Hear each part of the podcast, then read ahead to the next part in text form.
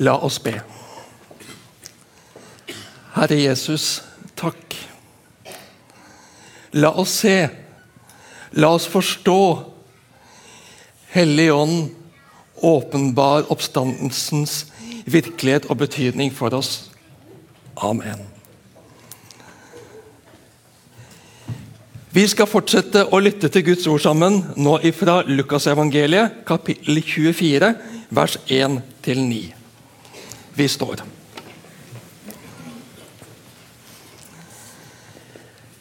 Ved daggry, den første dag i uken, kom kvinnene til graven og hadde med seg de velluktende oljene som de hadde laget i stand.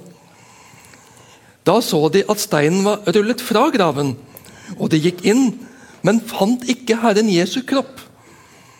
De visste ikke hva de skulle tro, men med ett sto det to menn hos dem i skinnende klær. Kvinnene ble forferdet og bøyde seg med ansiktet mot jorden. Men de to sa til dem, 'Hvorfor leter dere etter den levende blant de døde?' 'Han er ikke her. Han er stått opp.' 'Husk hva han sa til dere mens dere ennå var i Galilea.' 'Menneskesønnen skal overgis i syndige menneskers hender og korsfestes, korsfestes.' 'Og den tredje dagen skal han stå opp.' Da husket de hans ord og de vendte tilbake fra graven og fortalte alt dette til de elleve og til de andre. Slik lyder Herrens ord. Vær så god, sitt.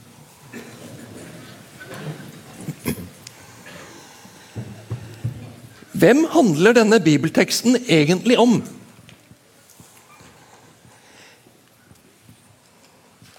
Vi møter et ukjent antall damer om vi hadde lest ett vers til, så hadde vi fått navnet på tre damer. Skal vi se om... Og så møter vi to menn i skinnende klær. Leser vi Matteus' sin versjon, så skriver han om en engel. Det er disse vi møter i dagens bibeltekst. Likevel så handler ikke teksten om dem. Men de er og blir vitner budbærere om noe helt nytt. Noe grensesprengende. Noe som snur tilværelsen helt rundt for verdens befolkning.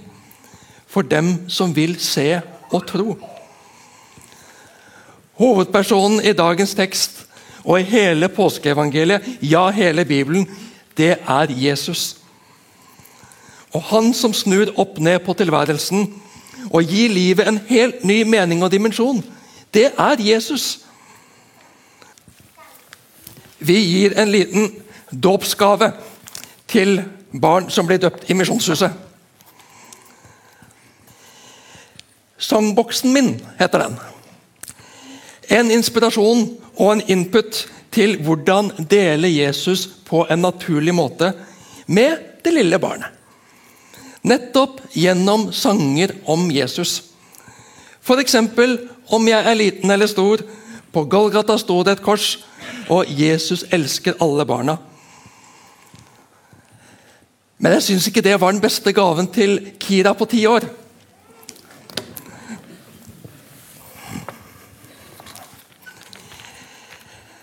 Nå vet ikke jeg om du Kira, er glad i smykker, men du skal få et spesielt armbånd og så har jeg en stor utgave her for at alle skal se. Dette her er ikke akkurat et egnet armbånd. Den kalles for Kristuskransen.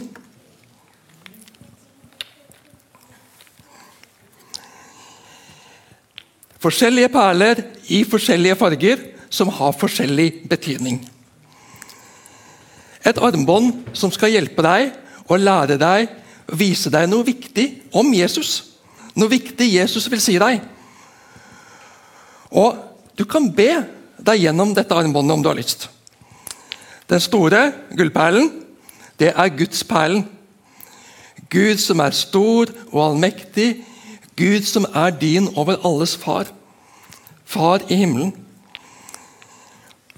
Og så har vi noen sånne stilleperler imellom. Vi behøver ikke alltid si så masse når vi ber. Vi skal få lov til å være stille innenfor Gud. Være stille sammen med Jesus, vår beste venn. Og så kommer jeg-perlen. Den symboliserer deg. Gud har skapt deg, Gud elsker deg, du er verdifull for ham. Og så kommer så kommer den litt større hvite perlen. Den kalles for dåpsperlen. Den skal minne deg på at du er døpt, at i dåpen ble du Guds barn, og du skal få tilhøre ham. Du har kommet til ham, og han har tatt imot deg.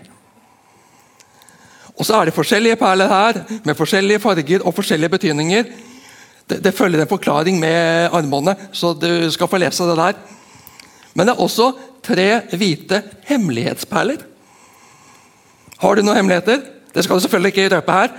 Men alle har vi noen hemmeligheter som ikke er så greit å fortelle til alle, men som kan ta mye tankevirksomhet i oss. Så skal vi vite at Jesus vet om det også om vi ikke klarer å si det. Og han vil være med deg i det og gjennom det. Og Så kommer vi til den siste store hvite perlen. Det er oppstandelsesperlen. Jesus vant over døden. Jesus har seiret over alt det onde. Han vil gi oss et liv som er bare godt, som aldri skal ta slutt, hjemme hos ham. Jeg har hatt mye glede av Kristuskransarmbåndet mitt. Jeg, jeg, prøvde å gå med det en stund på hånda, men det fikk jeg ikke helt til. Kanskje har det noe med at jeg er mann å gjøre. jeg vet ikke. Men jeg har gått med det lenge i lomma. Og det å ta det fram og tenke på det, be gjennom det, hva, hva de forskjellige perlene skal minne meg om, det har betydd mye for meg.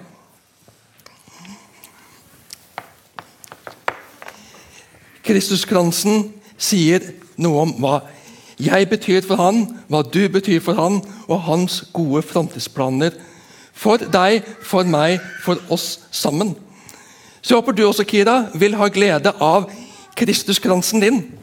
Og nå skal du få den. Ikke så god til å pakke inn pakker, men den er da pakka inn i hvert fall. Vær så god.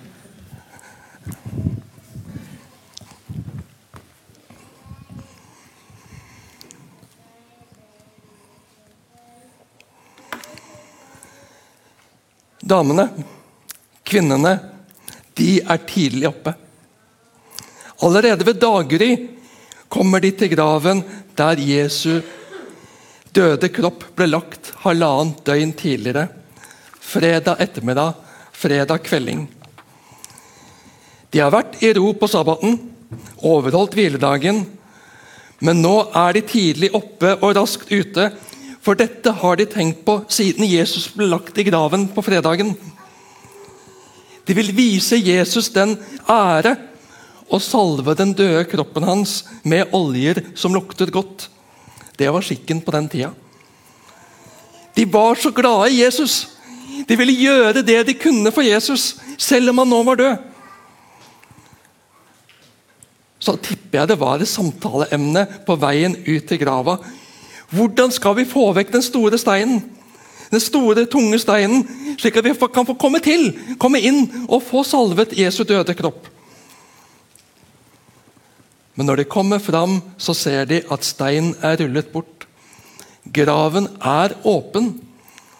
Men graven er ikke bare åpen, den er tom. Jesu døde kropp er ikke der. Og de visste ikke hva de skulle tro, står det. De står der som noen levende spørsmålstegn. Antagelig ganske redde, forvirrede, opprørte. Hva er det som har skjedd? Lar dere ikke Jesus være i fred når han er død en gang? Kanskje tenkte de det. Vi vet ikke. Så skjer det noe litt skremmende og forvirrende. Med ett sto det to menn hos dem i skinnende klær, leste vi. Kvinnene bøyer seg med ansiktet mot jorden.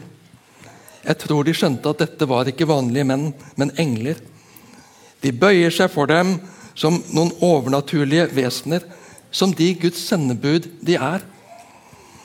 Og englene kan fortelle og forklare. Ja, de begynner med et spørsmål.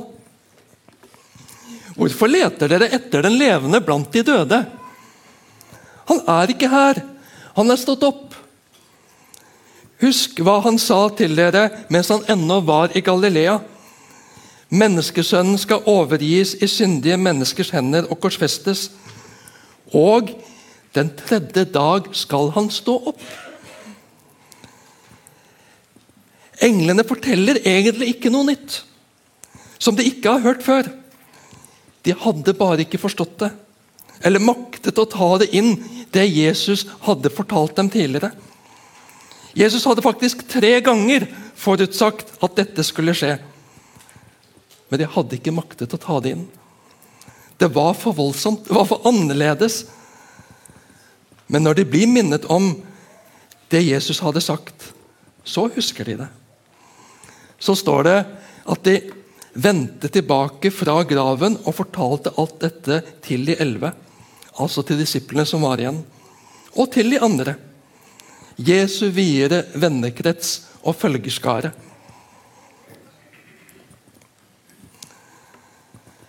Det slo meg da jeg leste dette, at her står det ingenting om hva damene følte da de hørte og begynte å forstå hva som egentlig hadde skjedd. Det står, står verken om glede eller redsel etter sjokkmøtet med englene. Vi er jo fulle av følelser hele tiden. Det er bare at noen synes det merkes det bedre på enn andre. Men følelsene de gikk med påskedag fra den tomme graven, eller forklaringen de hadde fått fra englene, det er ikke det avgjørende. Det var like sant, det som hadde skjedd, om de var jublende glade av begeistring, eller om de var triste og fortsatt redde etter de dramatiske opplevelsene. Sannheten var den samme. Jesus hadde stått opp fra de døde. Jesus var blitt levende igjen. At Jesus var blitt tatt til fange at Jesus var blitt korsfestet og drept. At Jesus var død og lagt i graven. Og at Jesus seiret over døden og ble levende igjen. Det var alt forutsagt av Jesus på forhånd. Jesus gikk det bevisst og frivillig i møte. Det var en ekstremt smertefull og lidelsesfull vei for Jesus. Og han gjorde det ikke fordi han måtte. Ikke fordi han var uheldig, men fordi han ville. Hvorfor? Hvorfor ville noe sånt? Fordi det var eneste måten å berge deg på. Hvis ikke Jesus hadde dødd på korset, så måtte du fortsatt tatt ansvar og konsekvensene av alt det gale du har tenkt og sagt og gjort og kommer til å gjøre. Hvis Jesus ikke hadde dødd på korset, så hadde du fortsatt vært skyldig for Gud og uten mulighet til å bli venner med Gud igjen. Hvis Jesus ikke hadde dødd på korset, hadde du vært fortapt. Og det er sant om meg og om alle mennesker. Jesus var villig til å gjennomgå alt dette fordi han ikke orket tanken på at du skulle være dømt til helvete uten noen som helst mulighet til å komme derifra. Da Jesus, tok, da Jesus døde, tok han dødsstraffen du og jeg fortjente. Han tok den i stedet for deg og meg og alle mennesker. Han som var uskyldig, tok den på vegne av oss som er skyldige, og åpnet på den måten veien for oss tilbake til Gud. Aksepterer du det? Tar du imot Jesus' soning på dine vegne? Tar du imot alt Jesus har gjort for deg? Da er det ditt. Da gjelder det deg. Om du tenker at dette er for fantasifullt, det går ikke, da aksepterer han det. Den dødsdømte som takker nei til at en annen tar dødsdommen for seg, må selv lide dødsdommen. Om du takker nei til Jesus, må du selv ta ansvar for dine tanker, ord og handlinger. dine holdninger og alt som stenger deg borte fra den fullkomne, hellige Gud. Jesus tvinger seg ikke på, men han var villig til å ta hånd om alt for deg. Takker du nei, blir hans lidelse på dine vegne bortkastet.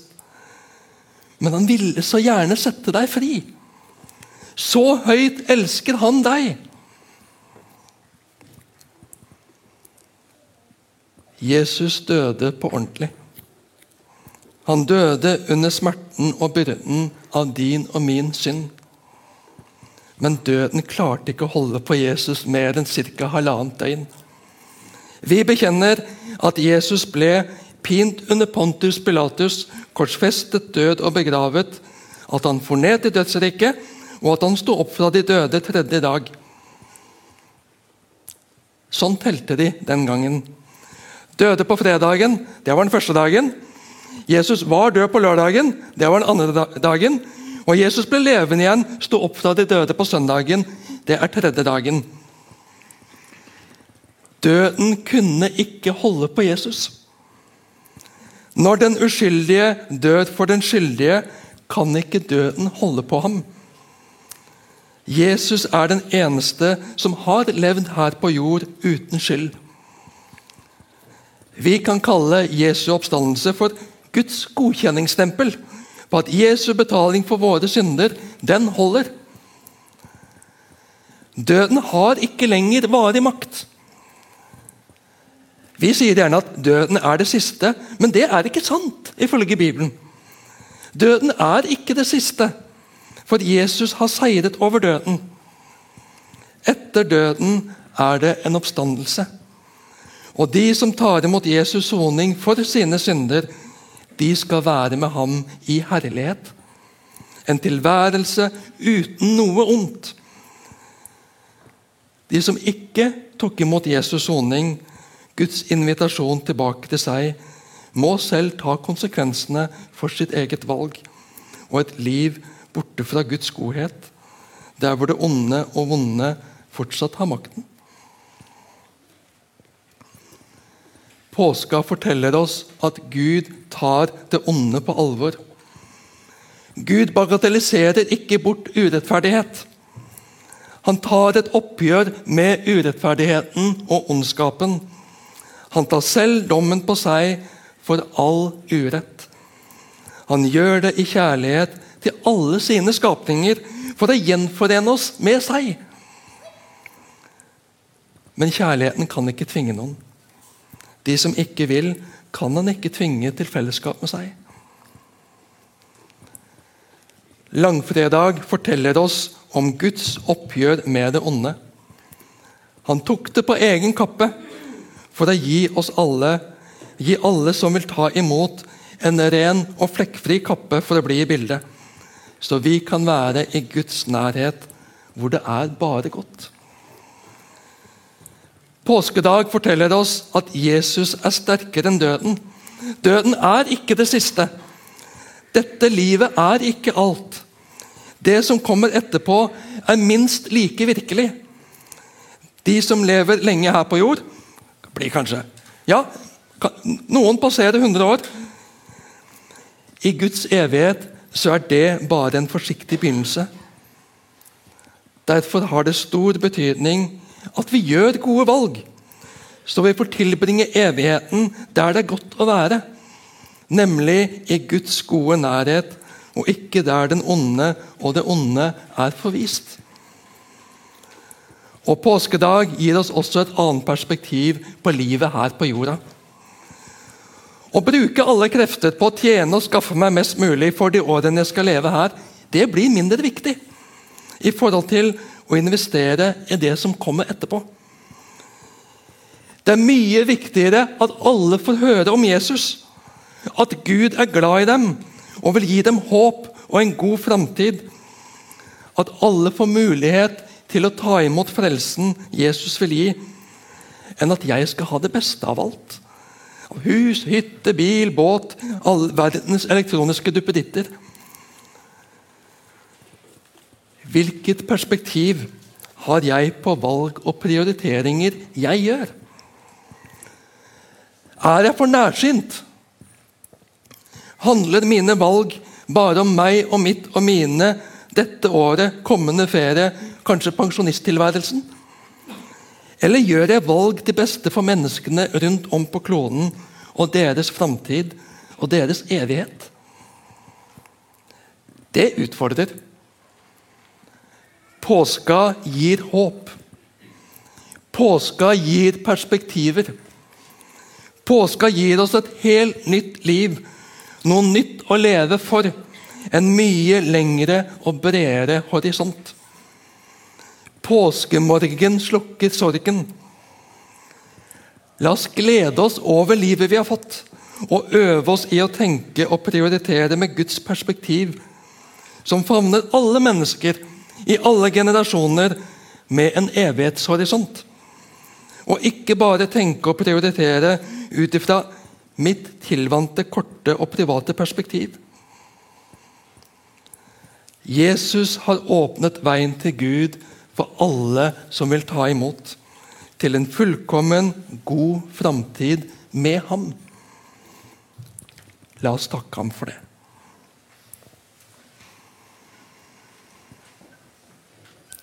Takk, Herre Jesus, for at du var villig til å lide for å fri oss fra den evige lidelse.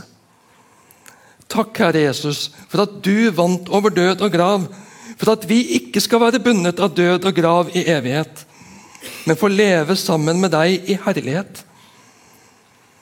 Må ingenting få rive oss bort ifra deg.